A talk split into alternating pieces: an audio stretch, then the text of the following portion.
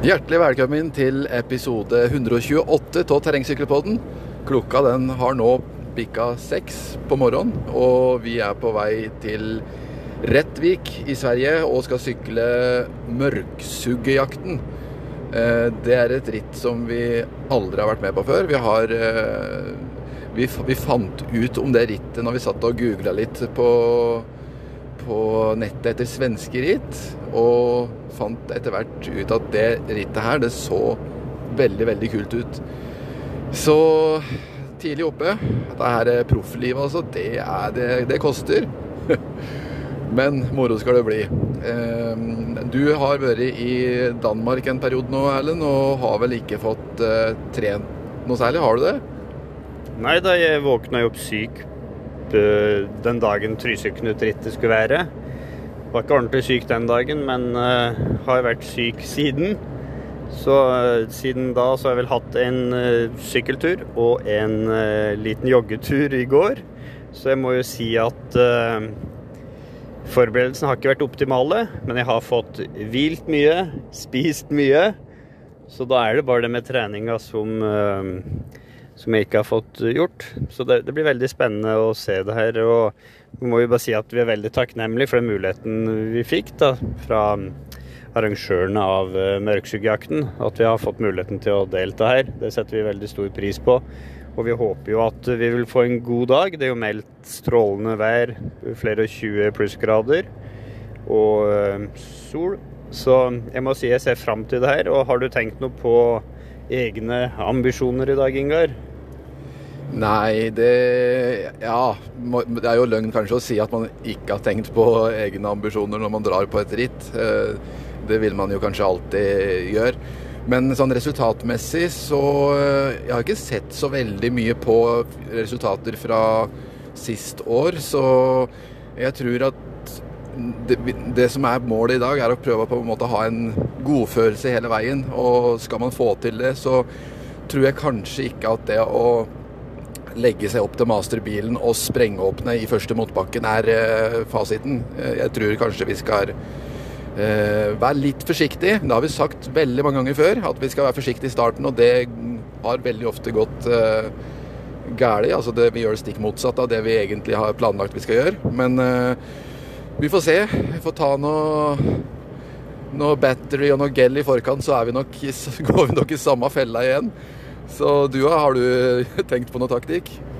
Nei da, jeg ser jo det at hele eh, svenske eh, eliten da, med Mathias Wengelin og Emil Lindgren er til stede, så jeg tenkte jo det å kanskje gå på et eh, tidlig brudd. Prøve å rykke fra i start i den første bakken. Nei, ja, det, det blir artig det her. eh, Det er jo morsomt med de svenske ritta. Jeg, jeg har ikke sett de siste øh, antall deltakere. Jeg tror det var opp mot 600 deltakere. Det er jo 72 km langt. De sier at traseen er ganske lett, men eh, inneholder en del krevende stigninger. Det er en del av den svenske langdistansecupen, og jeg og Ingar har prata litt på det her at de kjører litt sånn annen profil i Sverige i forhold til Norge, hvor du kan jo sammenligne svenske langdistansecupen med terrengmaraton norgescup i Norge, hvor i Norge har det ofte vært sånn at det er de teknisk vanskelige rittene som er en del av norgescupen. Mens her i Sverige så, så er det eh, lange ritt, men de er ofte ikke så teknisk vanskelige. Det er ikke så mye Kall det steinrøyser og utfordrende sånn sett. Det er mer svinger og stigninger og så, og, de har mange deltakere i Sverige, så jeg vet ikke Kunne det vært en måte å få opp antall deltakelser i terrengmaratoncupen i Norge, eller hva, hva tenker du om det, Ingar? Jo, det kan godt hende, og vi, vi deler jo det synspunktet der at det er eh, litt eh, enklere teknisk, samtidig som det er eh, flyt og moro. Eh, så det kan hende vi har noe å lære, men uten at jeg skal si at det er noen bastant fasit. Så eh, ellers så Jeg har hørt litt av dette med mørksugge, og det høres jo litt skummelt ut, syns du ikke det? Mørksugge. Ja, det er, er visst. Som han prata på i forrige episode, så bruker de mørksuggen da, for å skremme barna som ikke skal være ute om kvelda. Så eh, vi får se om de har stelt i stand noe maskotter, eller hvordan det er der. Jeg aner ikke så veldig mye om det rittet. Har jo vært en uke i Danmark. Kom igjen sent i går kveld. Så har jeg egentlig vært på farta en, en uke nå. Ellers så har jeg jo fått med meg det her at uh, terrengsykkelforumet legges ned nå. Det som uh, styres gjennom uh, terrengsykkel.no, er det vel. Og nå er ikke jeg noe medlem der, skulle jeg si. Jeg har ikke noe bruker der. Men ofte det at man Hvis man lurer på noe, så er man inni der og søker etter informasjon. Veldig mye gode tips og den slags. Så nå skulle visst forumet legges ned og all historikk slettes. Er dette noe du har fått med deg, Ingar? Ja, det er synd. Jeg har faktisk hatt en bruker der, fordi jeg har, jeg har, brukt det forumet når det er ting som jeg har uh, vært usikker på. Og det kan være både utstyr og sykler og trening og skader og ditt og datt. og hvis man søker der, så får man jo som regel svar på det meste man lurer på, egentlig. Så lenge det er en, et forum som har vært oppe og gått i så mange år. Uh, der, du kan jo søke og du finner poster som ligger helt tilbake til uh, ja, langt tilbake på 2000-tallet, liksom. Så det er, det er litt synd. Jeg syns det. Ja, det er veldig synd. Heldigvis, da får vi si, så har det kommet opp i hvert fall ett, kanskje to private initiativ der de allerede har oppretta et tilsvarende forum med litt mer moderne design og den slags. Jeg husker ikke akkurat adressa til det forumet. Det var kanskje terrengsykkelforum.org eller noe i den duren. Dette finner dere ut av hvis dere er uh, interessert. Har bare så vidt vært inne og titta på sida, og det ser ut som veldig mange allerede har valgt å gå over og opprette ny bruker der. Så det viser jo at det er behov for uh, et sted der likesinnede kan diskutere alt som har med sykling, ritt og den slags å gjøre. Stisykling. Så Eller så blir det også spent å se hvordan eh, de norske vil gjøre det i dag på mørksuggejakten. Vil si de norske, det er jo meg og Ingar. Også i eliteklasse har vi Eskil Evensen Lie. En veldig habil syklist. Så jeg tror absolutt han kan være med og kjempe om eh, ja, kanskje både seieren, men i hvert fall kjempe om en pallplass. Det blir spennende å se. Er vi veldig heldige, så får vi kanskje en prat med nå, men det, det vet vi jo ikke.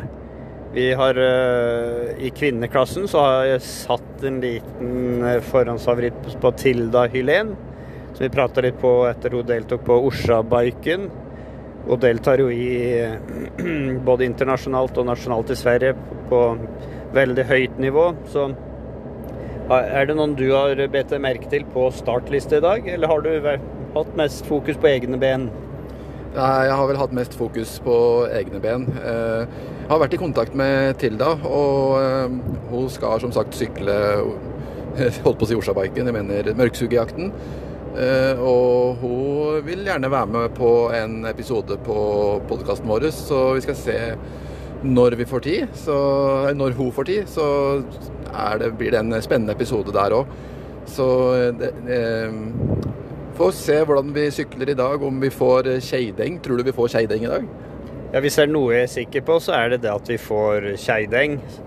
Nå klarte ikke alle følge med til da Porsabiken, og det var jo 25 km langt. Så da er jeg ganske sikker på at over 72 vil jeg få ordentlig keideng. Så nei, men det, det, får bli det. Vi har jo hatt uh, en liten prat med en uh, verdenscupdebutant.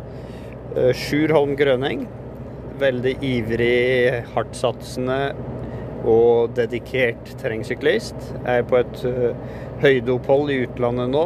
Veldig spennende å, å få en prat med han. Så da setter vi over til Sjur, og så kommer vi tilbake med hvordan det har gått med oss i rittet etter praten med Sjur.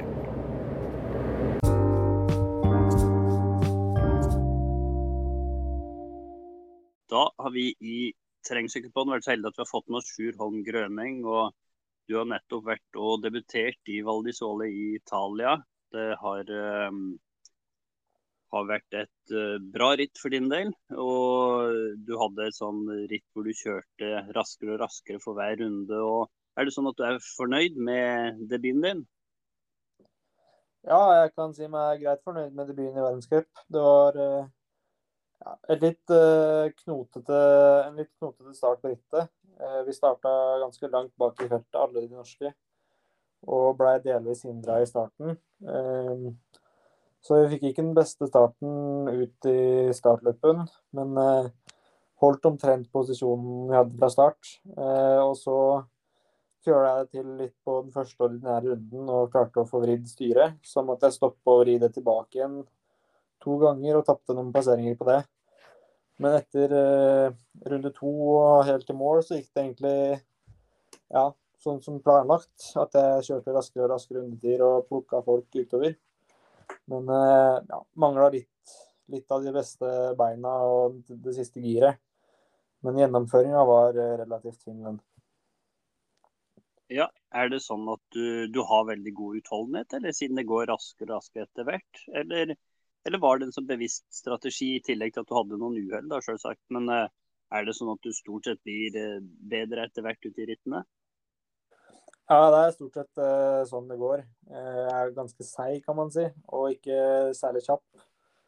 Uh, og I tillegg så var det det som var taktikken, å ikke stresse noe særlig i starten, ettersom at det er fryktelig harde løyper og mange plasseringer å plukke på slutten.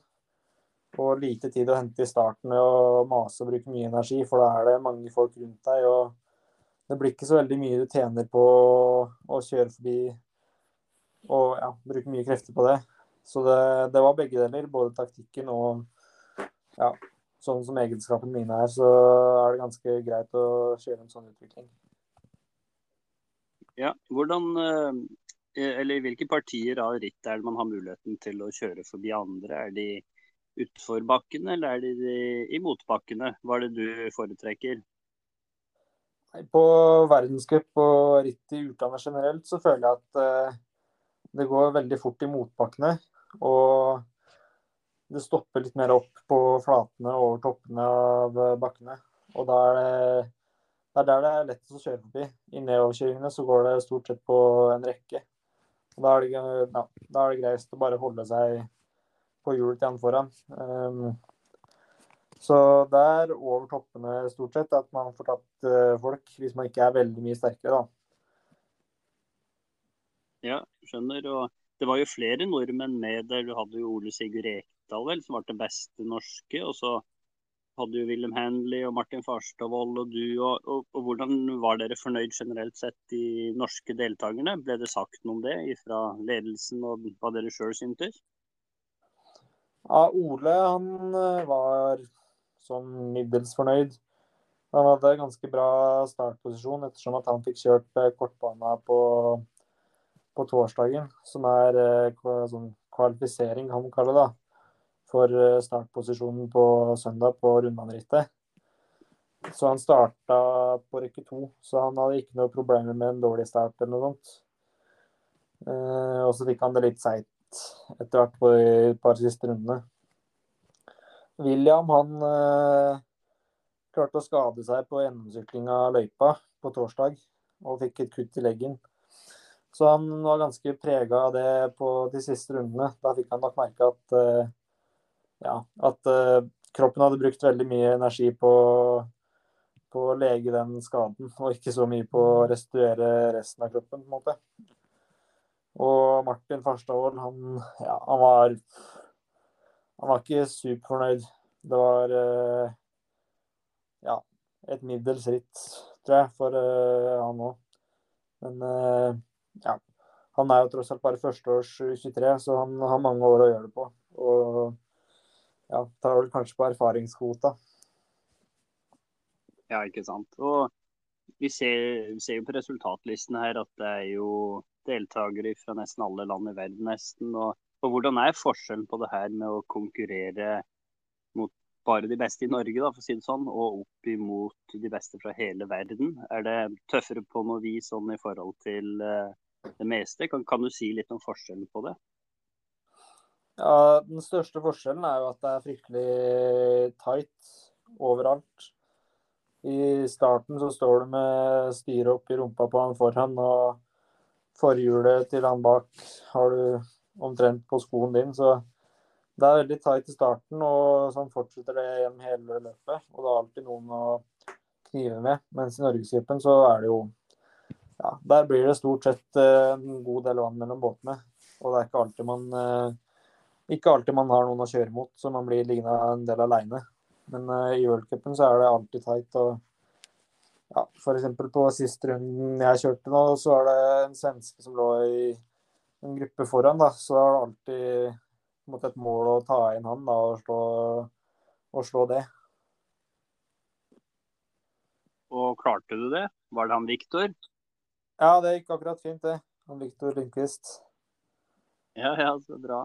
Og er det sånn at dere kjenner litt til de svenskene? Det er jo veldig mange gode unge svensker på herresida, mens det, det, er jo ikke så mange på, på senior-herrenivå. Men yngre er det jo mange up and coming. Er det så dere har noe kontakt med de beste svenskene? Ja, vi kjenner dem litt. Jeg har ikke vært så veldig mye utenlands før i år. Så jeg eh, kjenner dem ikke så veldig godt en, enda. Men eh, jeg har snakka litt med dem etter å ha vært eh, på ritt i Sverige, og de har vært på ritt i Norge òg. Så det, det, er hyggelig. William var jo med i, i to uker mellom verdenscupen i Leogang og, og Valdresale. Så han har blitt godt kjent med dem. Ja. Nei, og hva, jeg har skjønt det sånn at du er på et um, treningsopphold, et høydeopphold jeg vet ikke om er det i regi av uh, Bent Rønnestad, eller er det bare at han tilfeldigvis er med? Eller kan du si litt om hva slags opphold du er på nå, hvor du er og, og hva som uh, er planen bak? Ja, jeg er på et høydeopphold i eh, en liten uh, bygd, kan man kanskje kalle det, som heter Trepalle, eller Trepalle, hvis man skal uttale det litt mer italiensk. Som er like ved Livigno, da, som er litt mer kjent for de fleste. Og der er det da Ja, vi er tolv stykker i tillegg til eh, de fleste landslagsutøverne som er her på treningssamling, da. Og det er ja, du kan kalle det en miks av en uh, treningssamling og et uh, forskningsprosjekt, da. Mellom uh, fra Høgskolen i Innlandet sin side. Ja, og og hva Er det sånn at uh, det gjøres tester, og kan du si litt sånn mer detaljert hva, hva det går ut på, da, det forskningsprosjektet? Ja, det er egentlig ikke så veldig revolusjonerende annet enn at vi er i høyden, bare. Og det gjøres litt tester uh, med laktat og sånn. Ja, Er du vant til å bruke laktat i treninga fra før, eller? Nei, det er jeg absolutt ikke. Det har jeg bare gjort i forbindelse med tidligere testing av O2 og laktatprofil og slikt. Ja, er det, Hva er det du bruker? Er det puls og watt du bruker i det daglige? Ja, puls og watt. Og så er det Det, det brukes delvis sånn strikt, men det går hovedsakelig bare på følelse, og så bruker man watt og puls til å kontrollere at uh, følelsen er riktig, da. Ja, og det her er første gang du er på et høydeopphold, og er du litt spent sjøl på hvordan kroppen og bena vil føles etter de ukene? Ja, det er, det er første gang jeg er på høydeopphold, ja. Så det er veldig spennende. Det er ganske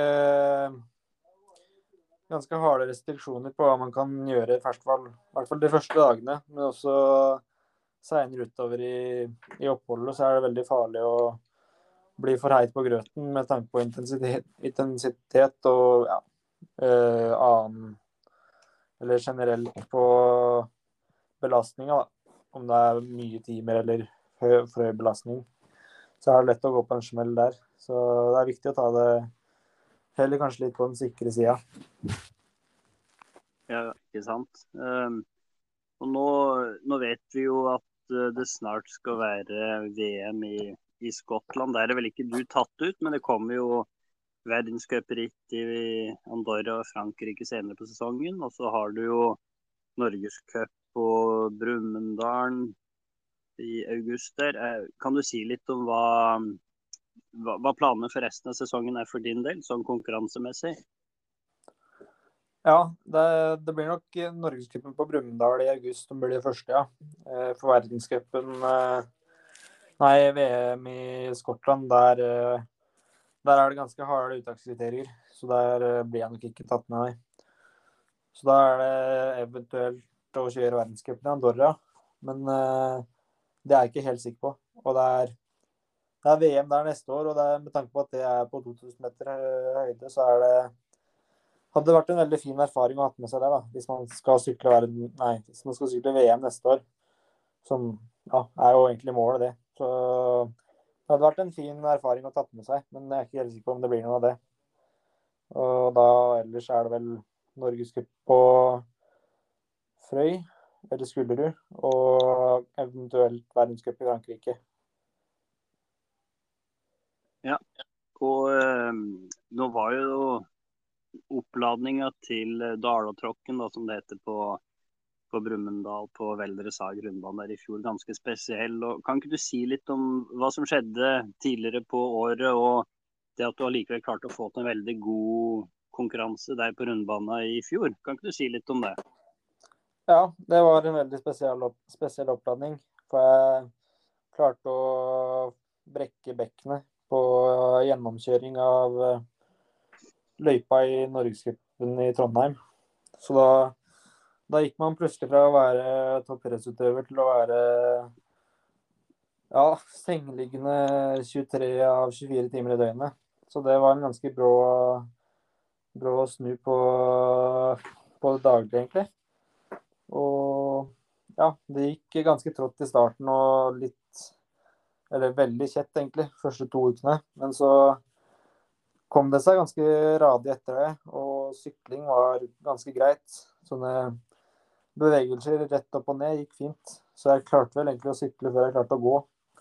Og da kom egentlig Ja, fremgangen kom fort, og jeg klarte å ja, skrape sammen en veldig bra form da, til eh, høstsesongen. Starta på Norgescup på Frøy. Der var det ikke veldig bra trykk akkurat. For da var det vel gått en ni uker, tror jeg. Og vanligvis er man sjukmeldt i åtte uker etter, en, etter et bekkenbrudd. Så gikk det en del bedre på Birken. Da ble jeg best of the rest, har jeg sagt. Da var, jeg, ja, da var det T-gruppa, og så kom jeg etter de. Og det siste løpet for sesongen da, på Brumunddal var vel ja, kanskje det beste rittet jeg har sykla noen gang. Og da ble jeg nummer seks på Norgescup og ja, omtrent et minutt bak teten. Så det var veldig bra. Nei, så Da skjønner jeg det at det har hjulpet godt å ha et godt grunnlag eh, også opp mot hvis man risikerer skade og sykdom. og det, det var vel sånn at uh, lillebroren din, han Jørgen Holm Grøneng, var uh, uh, at du slet kanskje å holde følge med han en stund rett etter skaden, var det ikke sånn? Jo, det var litt det, var ikke, det, var ikke, jeg som var i best form av oss to da. Sjøl om han også hadde vært skada på enda litt tidligere på vårsesongen enn meg. da. Men uh, ja, i hvert fall første langturen jeg kjørte med han, så så ga jeg litt blaffen i hva pulsen sa på starten av langturen, og bare kjørte på sånn som jeg hadde vanligvis gjort tidligere. Men da blei det litt hardt på slutten og måtte ha litt uh, tauhjelp fra han hjem igjen. Og også på intervaller så blei vel jeg kjørt fra den første intervallen, i hvert fall. Ja, men det ble med den ene, da, eller? Ja, formen kom seg såpass fort at det ble med Jeg tror det ble med én intervall, ja. At uh, han var foran meg. Heldigvis. Ja, nei, det skal være litt sånn familiær kniving. Og, men kan ikke du si litt om det her med hvordan du ser på det her med din egen satsing innenfor terrengsykling? Du, du, du, har vel egentlig valgt å gå litt all in for det, på en måte? Er det ikke sånn? Jo, det stemmer det. Jeg har, eh, har kutta ut skolegangen etter at jeg slutta på NTG i fjor. Så har jeg tatt et eh, friår det året her, og tar et nytt friår eh, året som kommer og jobber på Sport1 i Lillehammer. I tillegg til noen småjobber utenom. Så det er såpass eller så all in jeg kan gå for øyeblikket. Der jeg må, må ha litt penger inn for å få det til å gå rundt også. Så det er ja, det er sykling og jobbing det går i. Ja. Hvordan legger du opp treninga i forhold til jobbing? Er det så du kjører én eller to økter om dagen? og Er det så du jobber kvelder eller dagtid? Nei, jeg kjører stort sett bare én økt om dagen. Jeg kjører to økter hvis det er eh, Ja, hvis jeg kjører hardøkt på morgenen, så kan det hende at jeg kjører en styrkeøkt på kvelden. Men hovedsakelig én økt om dagen. Og så er det jobbing ja, stort sett fra tolv til seks omtrent. Og ja, noen ganger tidligere og noen ganger seinere. Men eh, hovedsakelig fra lunsjtider og ut. Men det, der er egentlig sporten veldig flinke til å legge opp for at eh, folk kan satse på idrett og tjene litt penger utenom. da. For de har både meg og andre satsende både skiløpere og skiskyttere og løpere for så vidt òg, som jobber der som ekstrahjelp. da. Så det er veldig fint. At du tenker flere år fram i tid. Liksom, hva, hva slags tids, eh, tid ser du for deg i forhold til den satsinga? Er det sånn at du har gitt det noen få år, eller tar du det litt sånn fra år til år eller halvår til halvår? Nei, det Jeg har eh, Jeg har jo tenker jo at U23 på en måte Ja, når man er U23, da, så er det Nå er jeg mitt andre år og prøver å få litt erfaringer i verdensgruppen. da. Og så kan jeg heller prøve å få kjørt enda mer ritt neste år. Kanskje få til noe bedre resultater. Og så siste året U23. Da, da bør jeg, hvis jeg skal liksom fortsette å satse da, så vil jeg egentlig Da ønsker jeg egentlig å være i toppen av U23. Hvis ikke så Ja, da ser jeg ikke helt eh, poenget med å, med å kjøre på. Men eh, ja, i hvert fall fram til jeg er ferdig med U23, og så får man se hva det er etter det. Det er jo OL i Los Angeles i 2028 som hadde vært ekstremt artig å være med på. Det er jo et veldig trangt nåløye å bli med der. Men eh, ja, trener man, trener man bra nok, så har jeg et håp om at uh, det kanskje skal gå, det. Ja, det høres jo veldig artig ut. er det sånn at du følger et spesielt treningsopplegg? Du er jo en del av Lillehammer CK Elite. Er det sånn at det er et treningsopplegg gjennom der, eller ordner du med det sjøl og sånn gjennom den skolegangen du har hatt? Nei, jeg ordner med treningsopplegg sjøl, egentlig. Det er jo det som er eh, Kall det nesten hovedpoenget med NTG. da, At du skal gjennom de tre åra du går der, lære deg så mye at du kan stå på egne bein når du slutter. Så jeg har egentlig ikke noen trener for øyeblikket. Bruker fatter'n litt innimellom til sparring. Men eh, hovedsakelig så setter jeg opp treningsopplegget sjøl. Og da ja. Det går stort sett i å kjøre noen mengdeuker når man har tid til det, og så heller prøve å spisse formen inn til eh, ritt, de største ritta. Men eh, denne sesongen her, eller våren her, så har det vært veldig mye ritt. Så det ikke, har ikke vært så lett å få kjørt noe særlig bra trening da, mellom ritta. Så da har det blitt litt sånn ja, Kall det halvveis. Men uh, nå er det en god periode uten noe særlig ritt, så er det mulig å få, få lagt inn noe bra trening igjen. Ja, og så er det vel sånn at ritt kan være veldig god trening, det òg. Har du i tidligere sesonger respondert bra på å kjøre mye konkurranser, så det blir stadig bedre og bedre utover sesongen, eller hvordan har det vært for din del? Ja, det har det vært. Eh, jeg har respondert bra på ritt, men problemet er at du ikke får kjørt eh, Du får ikke trent nok, på en måte, mellom eh, ritta, for at du alltid skal prøve å ha litt overskudd til ritta. Det er på en måte problemet med å kjøre mye ritt. Men jeg har respondert bra på å kjøre ritt tidligere. Men det tror jeg er like mye fordi at jeg har vært skiløper på vinteren og veldig fått veldig lite sykkeltrening. Og dermed så går det jo naturligvis veldig sakte på starten av sesongen og bedre og bedre utover når man ja, får sykla mer. Ja, og du har nå valgt å kun satse sykling. Har du lagt bort skia helt, eller bruker du fortsatt litt i treningsøyemed? Nei, jeg bruker fortsatt uh, ski en del som trening på vinteren, som uh, mengdetrening. Og jeg ja, var for så vidt med på Norgescupen på Lillehammer på langrenn i i vinter også. Men det var hovedsakelig for uh, moro skyld. Ja, Så, så det er liksom terrengsyklinga som står ditt hjerte nærmest. Ja, det har blitt det nå. Jeg syns det, syns det er morsommere å kunne kjempe om uh, å kjøre verdenscup og ja, krige mot verdens beste istedenfor å kave seg inn til en topp 20-plassering i Norgescup i ny og ne junior. Det er, ikke, det er ikke det jeg trener for, på en måte. Nei, ikke sant. Det er vel artigere å være litt i front der, ja. Ja, eh, når vi ser på resultater eh, fra eh, når du starter opp som idrettsutøver, så finner vi jo plasseringer eller at du har vært med på konkurranser tilbake til 10-11 års alder. Så du, du starta jo veldig tidlig. Men, men, hva var det som gjorde at du valgte terrengsykling? Ja, jeg starta med sykling ganske tidlig. Fra Starta vel egentlig på treninger med sykkelklubben da jeg var seks år, da jeg begynte på skolen. Og da var det egentlig fattern som hadde vært eh, mosjonist, eh, kan man kalle det, og sykla Birken og litt forskjellige sånne maratonritt, som dro meg med på sykling. Og jeg syns det var veldig artig med litt eh, fart og spenning, da. Og at det ikke bare var, eh, gikk på kondis, da, sånn som det gjør på langrenn, men at det var et teknisk element i tillegg. Mm.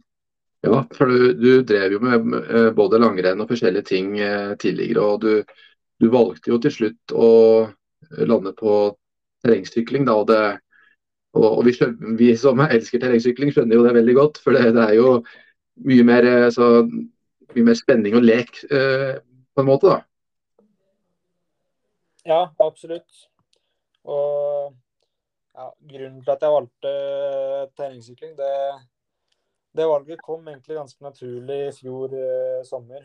Eh, hvor jeg ja, etter skaden da fikk såpass bra framgang og klarte å kjøre bra resultater med et ganske dårlig grunnlag. Så følte jeg egentlig at jeg, ja, hvis jeg kutta ut langrennsløpinga, så kunne jeg ta enda større steg i syklinga. og ja, få kjørt verdenscup, sånn som jeg har gjort nå. Uh, og det er jo på en måte det som jeg syns er artig. da, Å få kjørt verdenscup er veldig mye morsommere enn å ja, kave seg inn til en uh, topp 20-plassering, eventuelt på et norgescuprenn på ski. Så er det da er det morsommere å konkurrere mot verdenseliten. Ja, det, det er jo det. Syns du forresten at det er vanskelig? Vi, vi, bor jo på en plass der det er eh, en del snø og is om vinteren. Syns du det byr på noen utfordringer for deg som syklist? Jeg vil vel kanskje ikke si at det er ideelt, nei. Eh, men eh, det er jo absolutt mulig å få lagt ned en god grunnbase, da, selv om man ikke får sånn superbra teknisk utbytte. Så er det mulig å få sykla med piggdekk på vinteren. og jeg bruker fortsatt langrenn i en veldig stor grad i treningsarbeidet fra ja, si desember til mars. da. Så da er det fullt mulig å få lagt ned en bra jobb der. Og så tar vi noen turer til Spania i, i vinteren og får litt teknisk utbytte der. Så jeg syns det funker egentlig greit. Det, det er klart man blir litt rusten gjennom vinteren og er ikke helt eh, ja, briljerer ikke teknisk på de første norgescupritta, men uh, det kommer seg fort. Ja, man, man husker jo litt ifra, ifra fjoråret òg, Men jeg tenkte på når du går på ski om vinteren, da, da tipper jeg på det er den mengdetreninga du kjører som, som langrennstrening, og kanskje ikke så mye intervall? Ja, det er riktig, ja. Intervallene blir gjort på syklinga. enten på rulla eller på vei ute. Men uh, hvis det er kaldere enn minus ti, da holder jeg meg enten til rulle eller går på ski, stort sett. Da er det fryktelig kaldt å sykle ute.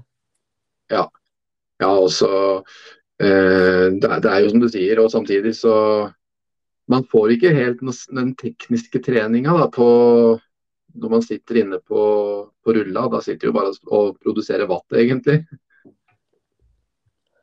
Ja, det er noe helt annet det. Å sykle på rulla og sykle ute. Ja. Så, ja, da, da, er det fint å få litt uh, avveksling i Spania innimellom òg. Ja, ikke sant. Når på året er det du er i Spania? Er det på senhøst, uh, tidlig vinter, eller er det litt lenger ut på vinteren? Nei, i vinter så er jeg der to uker i desember og to uker i februar. Ja. Det høres egentlig helt fantastisk ut, så jeg misunner deg det litt. Men eh, når du da er nedi der, er, oppsøker du da noe, noe, noe rundbane eller noe stier og, og teknisk, eller er det eh, Eller sitter dere på veien? Nei, da er vi jo egentlig i Spania for å få litt teknisk utbytte. Så da er det på terreng. Så vi er i stort sett et sted som heter Benidorm, hvor NTG har vært veldig mange år. Og man etter hvert kjenner eh, stinettverket veldig godt. Og der, eh, ja, like ved så er det en plass som heter Lanusia, hvor det er et terrengsykkelritt i februar. Hvor det er ja, du, du, kan kjøre noen stier som blir lignende trunebaneritt. Så der blir det en del hardøkter. Har du tenkt noe over hva som kan, kan gjøres for oss å få økt eh, eh, økonomien til, til, landslaget? Nei, vi har snakka litt på det, men uh, det er litt det er, ikke, det er, ikke, helt lett. Det er jo veldig lite fokus på det i media, f.eks. Og når det ikke er så mye fokus på det i media, så kommer jo heller ikke sponsorene til. Og da, da er det vanskelig da. Men ja. det er klart, hvis vi f.eks. får Knut Røme eller en annen av de elitegutta til å ja, Hvis de typ hadde fått en topp ti-plassering i VM, da. Det, det, er jo ikke så lett som det. Men uh, og fått litt medie, mediebelastning fra det, da, så kunne vi jo eventuelt fått noen sponsorer da, som kunne hjelpe til å få flere med på verdenscup. Ja, jeg tror du har helt rett i det. altså. Jeg tror kanskje at ikke bare økonomien, men kanskje også hele interessen for terrengsykling vil øke i Norge hvis, hvis som du sier, da, Knut Røme får til en topplassering i, i, VM. Så vi må bare krysse fingra. ja, for oss som liker, eh, elsker terrengsykkelsporten, så er det litt uh, kjett å se at den blir nedprioritert så sterkt i forhold til alle andre idretter som ja, fotball og langrenn og den slags. Ja, men vi får bare satse på bedre tider. Er det sånn at du, for du sykler, eh, du blir sponsa litt av Sport1 eh, nå, men er det sånn at eh, du Er det et team, eller er det sånn at du står utafor noe team nå? Nei, jeg er på LCK Elite, da. Eller Lillehammer sykkelklubb Elite, sitt terrenglag. Ja. Så der får vi Vi betaler en liten egenandel i året, og så får vi dekka litt diverse reiser og startkontingenter, da. Så det, mhm. det er det jeg er. Men uh, jeg er ikke på noe annet lag enn det, nei. Nei, nei men det er jo veldig bra uansett. da, for det, det, altså, Terrengsykling det er en ganske dyr idrett. og Når man i tillegg da kanskje prioriterer satsing framfor det å jobbe for å få inn penger til utstyr og startkontingenter, så er det på en måte litt avhengig av at man har noen i ryggen, da, sånn økonomisk. Ja, absolutt. Så det er jo Når man, eh, ja, i hvert fall jeg, da, som har slutta på skolen, så er det jo kanskje et, eh, en forventning av at man flytter hjemmefra og gjør ting og fikser alt på egen hånd. Men uh, jeg bor fortsatt hjemme, da. Så der har jeg fortsatt en veldig bra støtte hjemmefra. Ja, man er vel nesten litt avhengig av det òg, hvis man skal være, satse fullt på en idrett. Ja, det er jo veldig fint å kunne bo hjemme og få maten servert når man kommer hjem fra trening eller jobb. Er... Ja. ja. Eh, hva slags sykkelmerke er det du bruker, forresten? Jeg sykler på Scott, så jeg har avtale med Ramo. Kjempe. Så men uh, da tenker jeg det at vi, vi rett og slett skal uh, ønske deg hjertelig lykke til videre utover uh, sesongen. Det, vi kommer til å følge med, og vi håper å se deg i flere verdenscuper. Og at vi kanskje kan få noen flere samtaler med deg videre utover. Ja, supert. Tusen takk. Dere får ha lykke til, dere òg.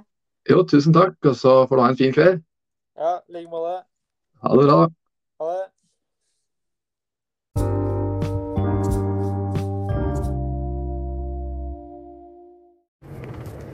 Ja, det var Sjurholm Grønning som eh, legger ned en skikkelig innsats for å bli blant verdens beste syklister. Og vi i Terrengsykkelpodden vi ønsker en lykke til videre med både sesongen og den videre satsinga. Det er artig at det er så mange unge som, eh, som velger å gi det et forsøk. Så eh, vi er jo kommet i mål på mørksuggejakten, og det ble en varm, varm dag. Vi eh, var vel ute i litt under og litt over tre timer som vi hadde tenkt vi skulle bruke. Og hvordan er du fornøyd, Ingar, med ditt ritt? Det ble en tøff bakke der i starten. Ja, personlig så er jeg vel kanskje ikke superfornøyd med resultatet, da. Eh, jeg gjorde jo som vi pratet på i dag tidlig, at vi ikke skulle starte eh, hardt. Men eh, starte nok litt for hardt likevel. Altså, jeg fikk en del kramper på slutten. Men jeg vil iallfall berømme arrangøren for et fantastisk fint ritt. Kan virkelig anbefales til uh, flere nordmenn. Det er uh, uh, teknisk ikke så veldig vanskelig. det er mye flytsti. Det er ganske mye terreng, får en si. Men samtidig, så selv om det er mye terreng, så er ikke terrenget vanskelig. Det er noe de fleste vil tåle. Og så er det ikke så veldig mange høydemeter. Så eh, et eh, snilt, lekent og fantastisk fint ritt. Det var jo så mye som 200 funksjonærer som, eh, som var med og arrangerte eh, det rittet. Og det sier jo litt om eh, eh, dugnadsånd og villighet til å hjelpe til. Da. Så virkelig bra. Du da, Ellen? Ja, og så må vi ikke glemme publikum. Det var jo publikum eh, langs store deler av løypa. Og jeg er ikke helt vant til det på sånne typer ritt i Norge, så det er en positiv ting. Man får jo Det var jo noen bakker der de drev og spilte litt, eh, litt dunk-dunk-musikk, og det hjalp på, det. Så det er veldig artig det at de steller i stand litt rammer rundt eh, arrangementene sine. Nei, det er jeg var jo påmeldt egentlig litt i forhold til uh, at jeg må forbedre seedinga mi på sykkelvasene. Så det er den jeg er litt spent på. Jeg hadde sett på tidligere resultater, og vi fant vel ut at kommer vi under tre timer, så skal man kanskje være fornøyd. Jeg brukte vel 2,53, så sånn sett skal man jo være fornøyd. Lå høyt i puls hele tida. En sånn kombinasjon av sikkert en uke med sykdom og at det var veldig varmt i dag. Mm. Så nå er det bare spennende å se da de legger ut sidingstabellen til sykkelvasene. Ingar har jo ordna seg god siding fra tidligere ritt, så der er det jo ikke noe problem. Eller så var vi så heldige at vi fikk tatt en prat med dagens vinner på herresiden, Eskil Evensen Lie. Han eh, overbeviste stort i dag. Og nå setter vi over til den praten vi hadde med han.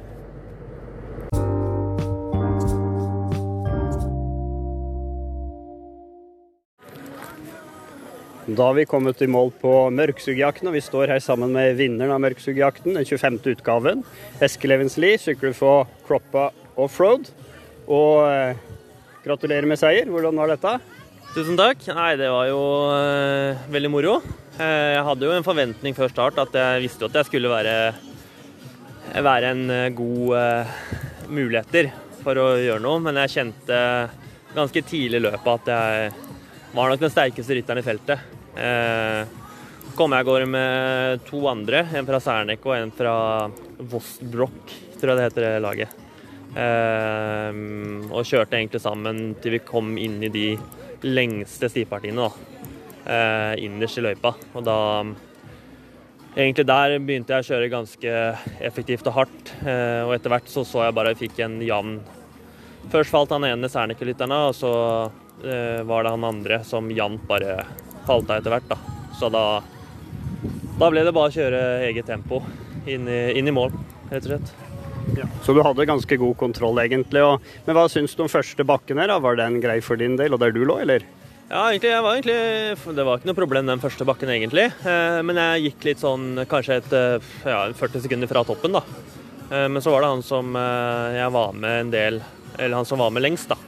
Han hadde et lite kick ekstra over bakken der, så jeg, jeg turte ikke liksom å tømme meg være helt liksom være helt fullstendig kokt da, på toppen der. Kan jo være at han fikk smake på det i og med at han eh, sa sjøl at han, eh, han kom i mål langt bak. Så han sa jo det at han, han smella, som han sa, da, på slutten der. Så det kan jo ha en sammenheng det, da. At han gikk på altfor hardt der, og så ble det tøft utover, tror jeg. Du må jo ha bra form. Jeg og Ingar prater på vei hit at vi, vi regner med at du skulle være med og kjempe om topp tre sammen med Mathias Wengelin og Emil Lindgren, men du hadde jo grei, grei ledelse ved mål da, til dem, så du må jo være i god form. Og du skal vel av gårde. Kan du fortelle litt hva som skjer i august der borte i Glasgow? Ja, det, så formen sånn generelt har jeg jo fått trent veldig godt etter. Jeg var jo akkurat kanskje litt sånn eh, hakket bak til å kvalifisere meg inn på worldcup og den biten der. da, Mangler litt ranking og sånn, men det må man ta litt på rundbanebiten. da. Eh, så er jo rundbane på en måte jeg velger å eh, gå litt inn for. Eh, men jeg tror formen Jeg har fått trent fryktelig bra etter siste norgescup i rundbane. Fått et par ritt nå, både norgescup og sånn. Nå så jeg i dag at når jeg så på tallene etterpå, så er det høyeste tallet jeg har levert på alle ritt i år. Både rundbane og Eller jeg har jo sykla stort sett på rundbane, men jeg leverte høyere tall enn jeg har gjort på, på rundbane òg. Så da må man, når man leverer det på 2,20, så må man tenke at kanskje formen er litt stigende, da. Ja, Nei, Det er jo veldig positivt, det. Og vi har jo fulgt med på resultatene dine i, i Norgescupen. Og vi har tatt en prat nå med Sjur Holm Grøning, som var og sykla verdenscup nå. Du har vel stort sett ligget litt foran han, og han, han gjorde seg ikke bort, han heller. Så tror du du vil få muligheten på rundbaneverdenscup etter hvert, eller? Ja, det må, jeg må bare Som sagt, jeg, ble ikke, jeg var akkurat ikke god nok. Jeg har vært sånn vært innafor minuttet bak de beste tre beste gutta. da. Så jeg har liksom vært helt i skorpa, men akkurat ikke. Um, føler jeg selv, da. Uh, så tror jeg nå som jeg har fått to gode måneder med trening, får litt to, de to ritta her, uh, og skal nå sykle VM, da, uh, så får jeg også nå egentlig fire uker med kvalitet, da. Så vil jeg ikke si at jeg, jeg tror det kan slå positivt ut, da, hvis det går etter planen til høsten. Så er det jo, så er det et, et verdenscupritt igjen etter VM eh, i Europa, da, vel å merke. Men jeg skal ikke reise til USA og Canada. Eh, men uansett så, så tenker jeg litt at jeg, jeg må tenke på utvikling, jeg må tenke på å sykle fortere. Og så får det bare være en naturlig del av at man sykler fortere, rett og slett. Hva, hva syns du om arrangementet her? De hadde jo jubileum i dag, og vi leste at de hadde over 200 dugnadsfolk i løypene. Hva, hva syns du om stemninga og arrangementet sånn sett? Det var ikke veldig mange nordmenn her. Nei, nå skal ikke jeg, jeg skal ikke si noe for eller imot, men jeg må si at jeg, jeg mener jo personlig at det svenskene gjør på arrangement og for de har beinharde rundbaneløyper. Sånn internasjonale sånn, Det er knallhardt på rundbaneløypene. Og så er maratonløypene er jo egentlig veldig snille. Eh, ganske flate, ikke så mye stigninger. Det er mer for alle, da. Og alle kan kose seg på ritt. Jeg syns det er kjempegøy som er topp i eliten. Og så syns jo de som er eh, sikkert de som kommer bakerst eller bakere rekken, tror jeg har hatt en kjempefin tur, da. Siden det har vært så Løypa er jo enkel, men eh, på en måte det er, det er jo gøy uansett. Så jeg tror jeg tror i hvert fall hvis jeg skal sånn som Norge da, på maratonbiten, så tror jeg vi har masse å lære av på de svenske maratonløpa. Da. Jeg tror hvis man skal få folk tilbake der, så, så må det begynne her igjen. Altså. Jeg kan ikke drive og kjøre langt opp i fjellheimen på en måte. Eh, det er ikke så attraktivt da, å klatre, klatre 2000 høydemeter på 70 km. Liksom. Ikke, her er det 800 høydemeter på 72 km. Eh, og den beste kommer først i mål uansett, så jeg tror, jeg tror dette er liksom veien å gå da, hvis du skal få interesse på få, få med sporten. Da, sånn sett. Nei, men uh, tusen takk og lykke til i Glasgow. Vi krysser fingre, vi. Ja, tusen takk. Yes, supert.